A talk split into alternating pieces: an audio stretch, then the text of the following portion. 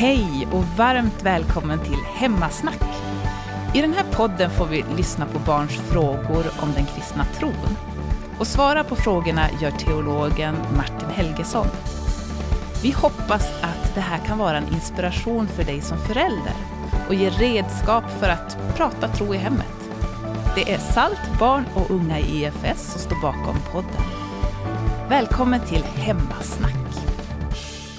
Ja, men välkomna tillbaks till podden Hemmasnack där vi har vår fantastiska panel bestående av Märta och Josef. Hallå, hallå. Tjenare! Och så har vi med oss också vår teolog Martin Helgesson Hallå! som ju är med och svarar på våra frågor och diskuterar med oss. Idag ska vi snacka om ett sånt här typiskt kristet ord som heter välsignelse. Är det ett ord som ni någonsin liksom, pratar med era kompisar om i skolan? Inte riktigt. Nej, man bara... Man läser om det mycket i Bibeln, typ att Ja man, den här personen ska nu få min välsignelse. ja, man hör det men man tänker inte riktigt in på det. Vad betyder det? Nej, just det. Det är lite speciellt där att vi Utan det bara finns där. Precis, man använder det massa, det kan vara lite olika saker. Så det är lite flummigt kan det ju kännas kanske. Jo, jag håller med. Eh, och vi har faktiskt fått in en väldigt intressant lyssnarfråga som vi ska börja med, som har med det här med välsignelse att göra. Så här kommer den frågan. Varför kunde inte Abrahams fru Sara ge välsignelsen åt Esau? Och varför var det tvungen att vara den äldste sonen som fick välsignelse? Isak verkar ju ha varit ett smartare drag att ge välsignelsen åt. Vad innebar egentligen välsignelsen?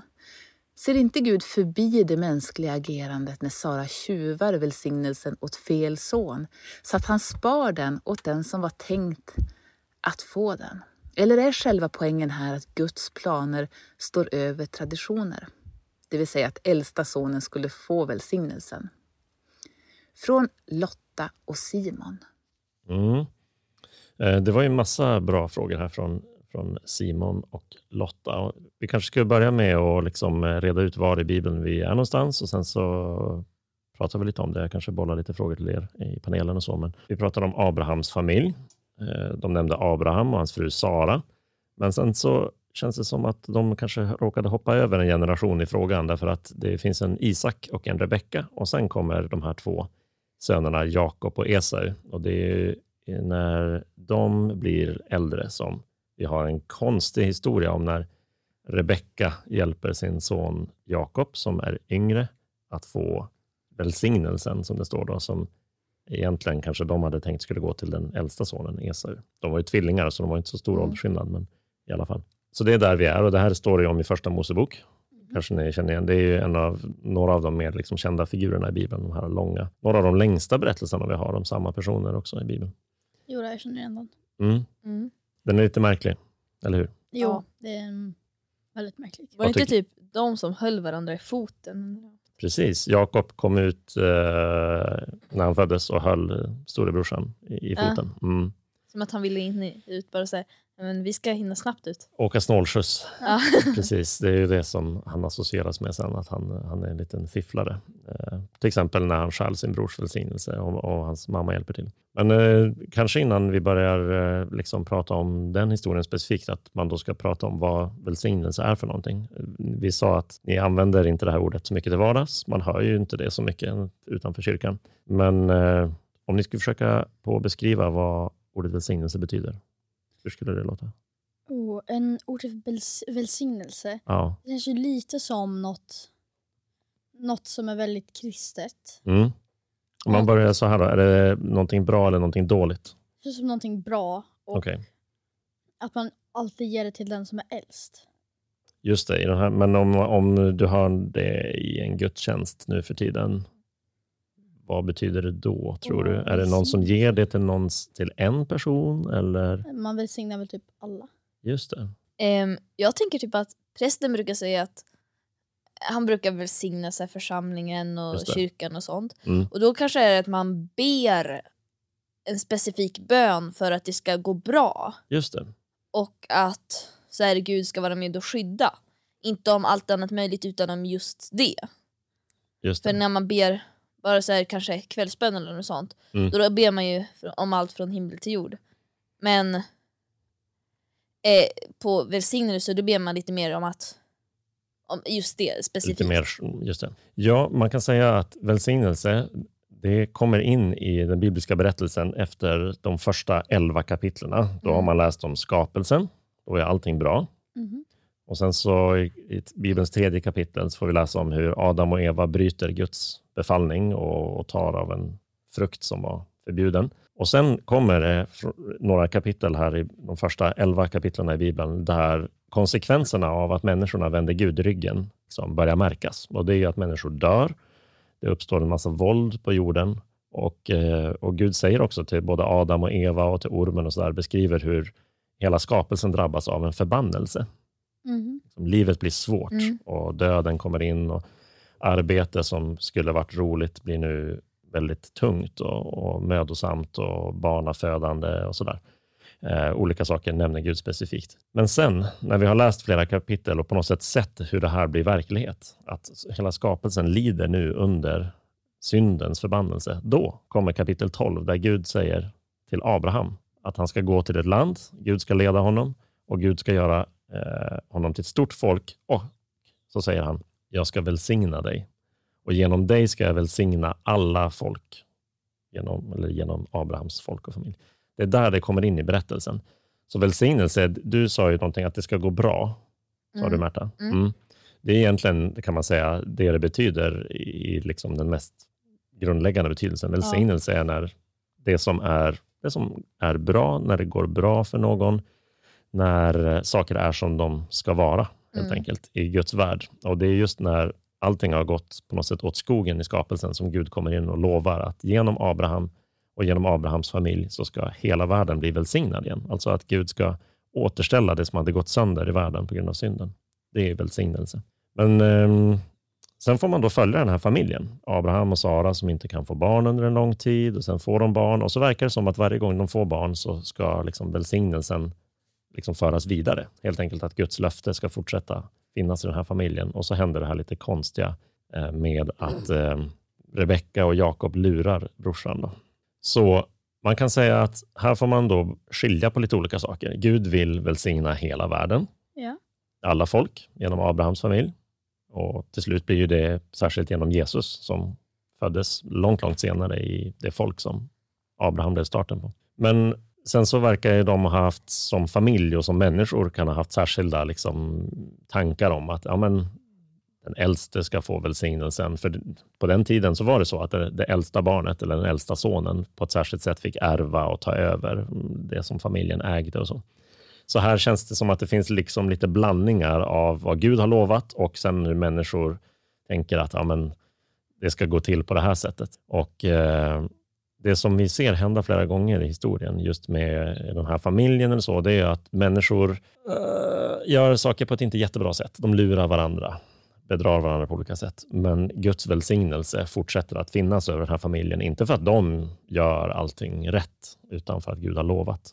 Så precis som den här Simon och Lotta skriver i sin fråga, är det så att Gud liksom, um, Guds planer står över traditioner? Ja, man kan säga det. att en av sakerna som händer i den här familjen hela tiden är att Gud visar att även när ni sjabblar till det så kommer jag fortsätta välsigna er, för min plan står fast.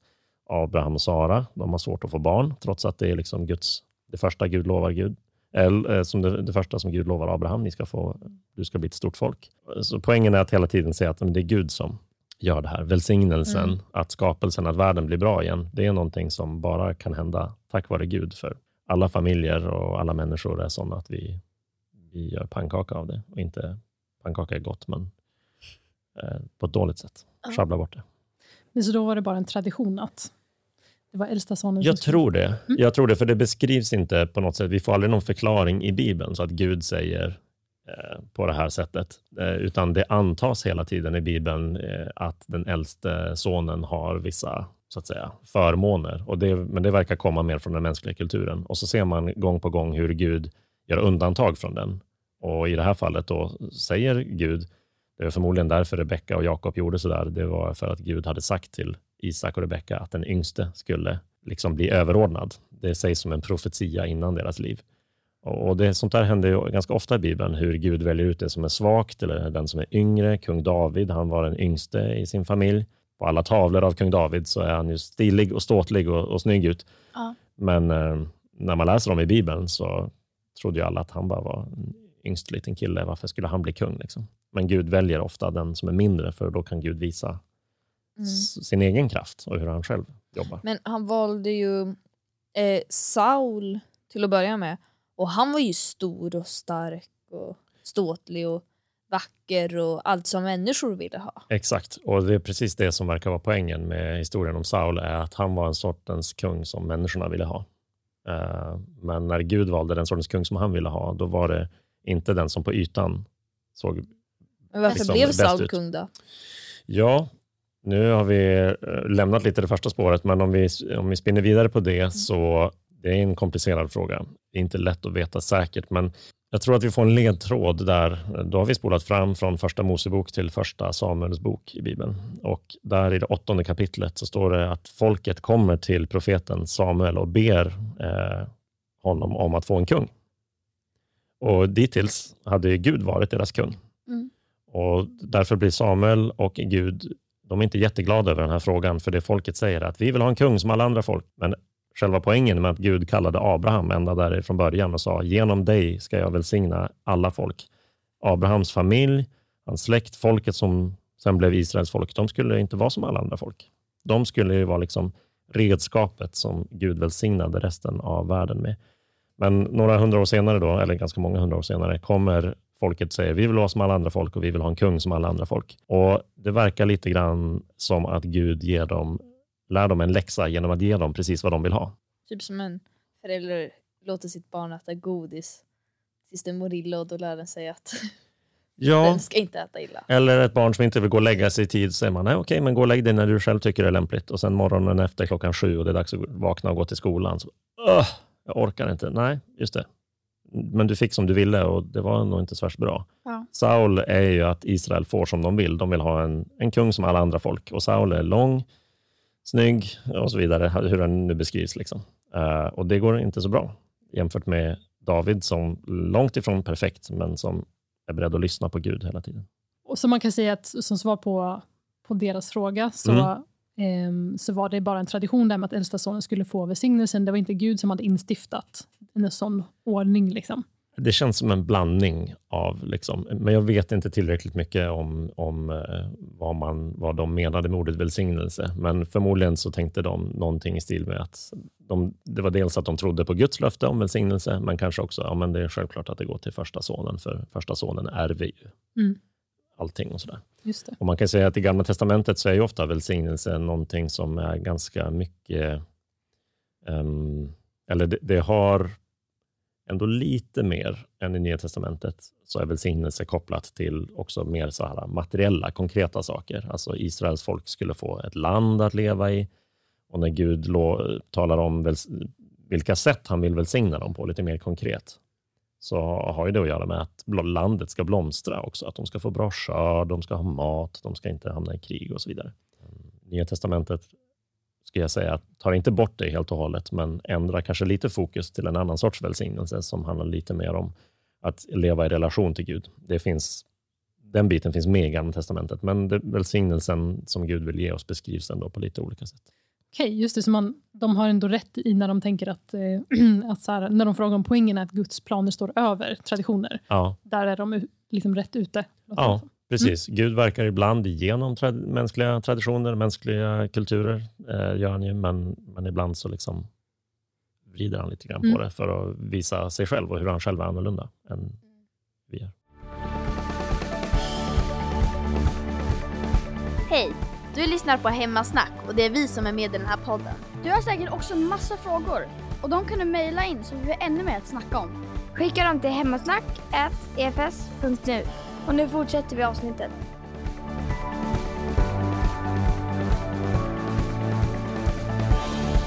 Jag är lite nyfiken på att höra vad ni tänker om det här med välsignelse. Eh, om ni tror att ifall man lever som Gud vill, då får man välsignelse, alltså att det går bra. Till exempel att man får pengar eller hälsa, eller att man, det går, man blir framgångsrik så länge man lever som Gud vill. Och annars går det dåligt för en i livet. Tror ni att det stämmer eller att det kanske inte stämmer? Alltså, det känns ju, om man, om man säger att man lever som Gud vill exakt och så får man hans välsignelse. Vad skulle det liksom innebära? Att nu har jag fått Guds välsignelse. Eh, Det går bra för mig i mitt liv, men liksom vad, vad menas med att det går bra i mitt liv? Att jag vinner på Lotto? Att jag köper ett hus? Vad menas med att det går, liksom går bra? Mm. Intressant. En del, här tänker kristna lite olika. Och En del kristna de, eh, de tänker nog att ja, nu får jag mycket pengar eller det går bra för mig, för, eh, för mitt företag som jag har. Det är för att jag har levt så som Gud vill. Eh, Och andra tänker inte så. Så en del kristna menar lite olika. Men en del de tänker på Guds välsignelse som något, det är liksom pengar, hälsa, framgång. Ja. Och en del tänker lite med att, eh, att det är någonting större. Vad tänker Jag- du Märta? Jag tänker inte direkt att det beror på att det beror så mycket på hur man har levt som Gud vill. Utan att det är mer hur man är i hjärtat inuti. Eh, Mm. Så att även om man kanske, det kanske är grupptryck eller hur, hur kompisen i skolan egentligen kanske man inte vill eh, göra de där dumma sakerna mot den där eleven. Mm. Men man gör det ändå för att inte bli utanför. Då kanske Gud kan se förbi det och se på hjärtat att nej men du ville egentligen inte, du kan be om förlåtelse och sen är vi kvitt. Mm, Okej, just det. Ifall man, ehm, om man har påverkats av någonting utanför. Ja, Eh, att det inte men- beror på så, så mycket på hur... Det är klart att det beror lite på hur man har levt, Mm. men ändå inte så fullt så 100 procent. Mm, just det, så du tänker att det kanske inte är så att det finns en, att det automatiskt blir så att om man lever, eh, lever som Gud vill så går det bra och annars så går det dåligt. Nej. Ah, Okej. Ja, Men om välsignelse, skulle välsignelsen typ, om man lever dåligt som Gud inte vill att man ska, skulle välsignelsen då bara kunna försvinna? Eller kan man få tillbaka den? mm. ja men, eh, jag vill gärna bolla frågan till Martin. Mm.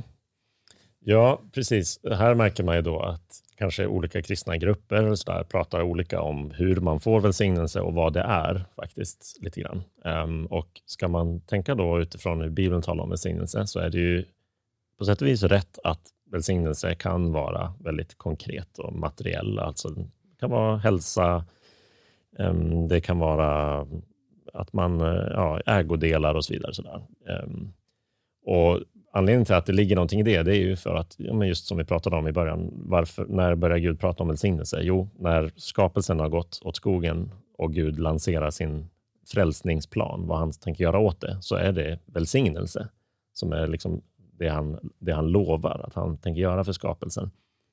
Och De löftena tar Gud inte tillbaka. Så välsignelse är någonting materiellt och när, vi har, när det går bra, har vi hälsa, har vi pengar så vi klarar oss, eh, och, eller mer än så, så Vad klart, betyder materiellt? materiellt, alltså ägodelar. Som sånt, sånt som är konkreta saker. Ett hus, ehm, eller vad det nu må vara, pengar eller sådär. Har vi sådana saker så ska vi ta emot det som en god gåva från Gud, en välsignelse helt enkelt. Men eh, samtidigt finns det ju så många andra saker som i Bibeln värderas mycket högre än de materiella välsignelserna, de eh, ägodelar och annat sånt där. Och eh, man kan ju få sådana på fel sätt också. Då är de ju inte en välsignelse. Då kan de ju vara någonting som jag har liksom, lurat mig till eller så. Så man behöver eh, komma ihåg att även om Gud vill välsigna oss på de konkreta sätten så är Guds yttersta mål är att vi ska leva i gemenskap med honom i en skapelse som är helt återställd. Och Det gäller att komma ihåg ordningen på de här sakerna. Att först kommer vi i rätt relation till Gud. Sen en dag kommer Gud göra skapelsen hel igen. Och ibland kan jag tänka att det finns en fara om man tänker att vi på något sätt kan liksom köpa oss eller muta Gud på något sätt genom att om jag, om jag bara gör som Gud säger, då kommer Gud ge mig allt jag vill ha nu. Egentligen bryr jag mig inte om Gud, men Gud blir på något sätt ett redskap som jag utnyttjar för att få det jag vill ha i livet. Då, då har liksom ordningen blivit helt omvänd. Men om jag vill ha Gud först och främst, som Jesus säger, sök först Guds rike, ja, då kan det också bli antingen liksom i det här livet att jag får en del välsignelser. Jag ska förklara varför eh, strax. Men framförallt kan vi lita på Guds avsikt och Guds löfte att en dag göra skapelsen hel igen. Då kommer alla ha god hälsa. saker kommer räcka till och så vidare. Men vi, kan, vi har inga garantier för att det blir så här och nu i våra liv. Sen finns det ändå vissa mönster i Bibeln och det är för att Gud har skapat världen på vissa sätt. Har en, har en tanke om hur vi ska leva våra liv. Och lever man i enlighet med Guds tanke, liksom i enlighet med hur Gud har designat oss som människor eller hur skapelsen fungerar. Lever man i enlighet med det så går det ju ofta lite bättre. Inte så att man plötsligt får liksom, man kan tänka så här. Tänk ett barn som är sju, åtta år gammalt och så vill föräldrarna att barnet ska lära sig att läsa. Ja. Det gör man typ i den åldern. En del tidigare, en del senare. Då kan en förälder säga så här. Om du övar på att läsa tio minuter varje dag så får du godis av mig. Mhm. Det är en välsignelse. Ja. Godis är gott. Ja, Eh, i lagom mängd. En annan sorts välsignelse är att säga om du övar på att läsa tio minuter om dagen så kommer du att kunna läsa riktigt bra om några månader. Det är också en välsignelse, för det är ju Ja. någonting gott att kunna läsa. Men den Men är den liksom inte... första är mer lockande. Ja, är den? Är den? Ja, det är den kanske. Men Den första får man ju både godis och... Läskunskap. precis. Smart. Men skillnaden som jag ville peka ut var att i det första fallet så finns det ingen koppling mellan att öva på att läsa och få godis. Det är bara föräldern som har hittat på. För att Du, få barnet att du, läsa. ja, för att få barnet att läsa. Men i det andra fallet så är det ju så att välsignelsen, det goda, kommer just av att man övar på att läsa. Ja. Det kommer liksom av sig självt. Och lite så är det med vissa saker i världen, att eftersom Gud har skapat världen på ett visst sätt och vi människor har kroppar och en själ som fungerar på olika sätt. Lever vi så som Gud har tänkt att vi skulle leva, så liksom finns det ju inbyggda välsignelser i att vi mår bra och, och fungerar på samma sätt som Om man mår bra så får man inte diabetes och så kan man äta godis. Mm. Och sånt. Nu tänker jag, det är liksom ett exempel. Och, Ja, exakt. ja, Så eller typ liksom- man, man får inte andra sjukdomar och så kan man göra det istället för att bara sitta för att man inte kan Precis. på grund av det. Ja, Alltså. exakt. Så jag tänker med Gud lite mer som den andra föräldern. Det är inte så att Gud säger följ mina bud så kommer jag ge er pengar och, eller godis eller vad det nu må vara. Liksom. Mm. Men däremot, om ni lever så som jag har, liksom, eh, som jag vill lära er och leda er, så kommer ni märka att nu lever ni i enlighet med hur världen fungerar. För det är Gud som har skapat den. Gud vet ju hur världen fungerar bättre än vi gör. Så när Gud hjälper oss att leva eh, med honom och leva i hans värld på rätt sätt, så finns det liksom inbyggda bra resultat med det. Men vi har inga garantier för det. Det är det som är grejen. Världen är lite mer komplicerad än så. Så man kan göra allt rätt eller det mesta rätt och ändå vara med om det som verkar vara otur eller olyckor eller så. Så det finns eh, å ena sidan liksom vissa mönster i skapelsen som det är bättre att leva efter. Eh, och så finns det samtidigt komplicerade situationer som uppstår även när man egentligen gör det som är rätt. Mhm. Vart det där begripligt? Ja. Ja, ganska. Mm. Ganska. Eh, När vi snackade lite här innan vi började spela in så sa ju du Josef att du frågade om man kan eh, tappa välsignelsen från Gud. Ja. Alltså om det är så att ehm, ja, men, om man har Guds välsignelse över sitt liv, om man gör, gör fel eller kan man bara tappa den här välsignelsen på något sätt? Vad var det du funderade på? Nej, men om man liksom typ har levt ett bra liv och följt Gud och sen så har man lite vikit av från det och så har man börjat leva inte riktigt som Gud vill. Kan man då tappa sin välsignelse? Typ Mm. från att man har levt ett bra, ett bra liv. Kan man bara då tappa den helt plötsligt? Eh, Och kan man få tillbaka den på något sätt? Typ att du går tillbaka och så lever du precis som Gud vill. Kan man få tillbaka den då? Bra fråga. Martin, vad tänker du om det? Ja, men jag tror inte att vi ska tänka på Guds välsignelse som någonting jag äger på det sättet att jag går runt med det i ryggsäcken och så om jag eh, håller rätt på den så har jag den, men om jag slarvar så tappar jag bort det och så har jag mindre och mindre kvar på det sättet. Alltså Gud är god, Gud är generös och vill välsigna oss allihopa. Han vill välsigna hela sin värld. Det är Ja. ju de riktigt goda nyheterna. Och tror vi på Jesus, då har vi Guds nåd och Guds välsignelse över oss eh, som liksom inte försvinner bara för att vi klantar till det eller gör någonting dumt någon gång. Det är inte så att, att Gud har liksom sagt eh, här får du hundra välsignelse, håll rätt på dem där nu, slarva inte bort dem. Utan Gud öser välsignelser över oss hela tiden, tänker jag. För om han har lovat något, då har han lovat. Exakt. Och även om vi inte håller vår del av det så, så håller Gud sin del av sina löften. Sen kan det ändå vara så att om jag gör någonting riktigt dumt, ett stort snedsteg i livet eller sådär, det kan ju få konsekvenser. Ja. Jag menar, kör jag in min bil i ett träd, då har jag en trasig bil. Men jag har inte tappat Guds välsignelse, även om, även om min bil är skadad och, och det var bra att jag hade en bil, så jag har inte i grund och botten tappat liksom Guds välvilja över mitt liv, att Gud vill välsigna mig och så. Så jag tror inte vi ska tänka på det sättet, att vi, vi kan liksom slarva bort. Gud vill oss alltid väl. Och Mm. tror vi på Jesus så kommer allting att sluta väl också. De mindre sakerna i våra liv och konkreta sätten som Gud välsignar oss på och sakerna som Gud ger oss, ja, det kan gå lite olika bra i olika perioder. Men det betyder inte att Gud sen vill oss illa när någonting går dåligt. Det är en del av att leva i den här världen, att dåliga saker händer ibland också. Ja, men intressanta tankar här om välsignelser och hur det funkar och vad det är för någonting. Eh, och idag har vi lärt oss att generellt sett så går det bra om man lever så som Gud har tänkt, eh, för att han har byggt världen och oss på ett visst sätt.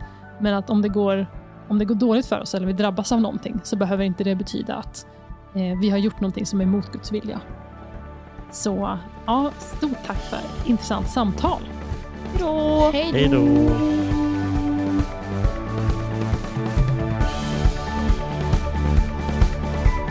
Så roligt att du har lyssnat på Hemmasnack. Nu har även du som lyssnare möjlighet att ställa dina frågor till Martin. Maila gärna frågorna till hemmasnack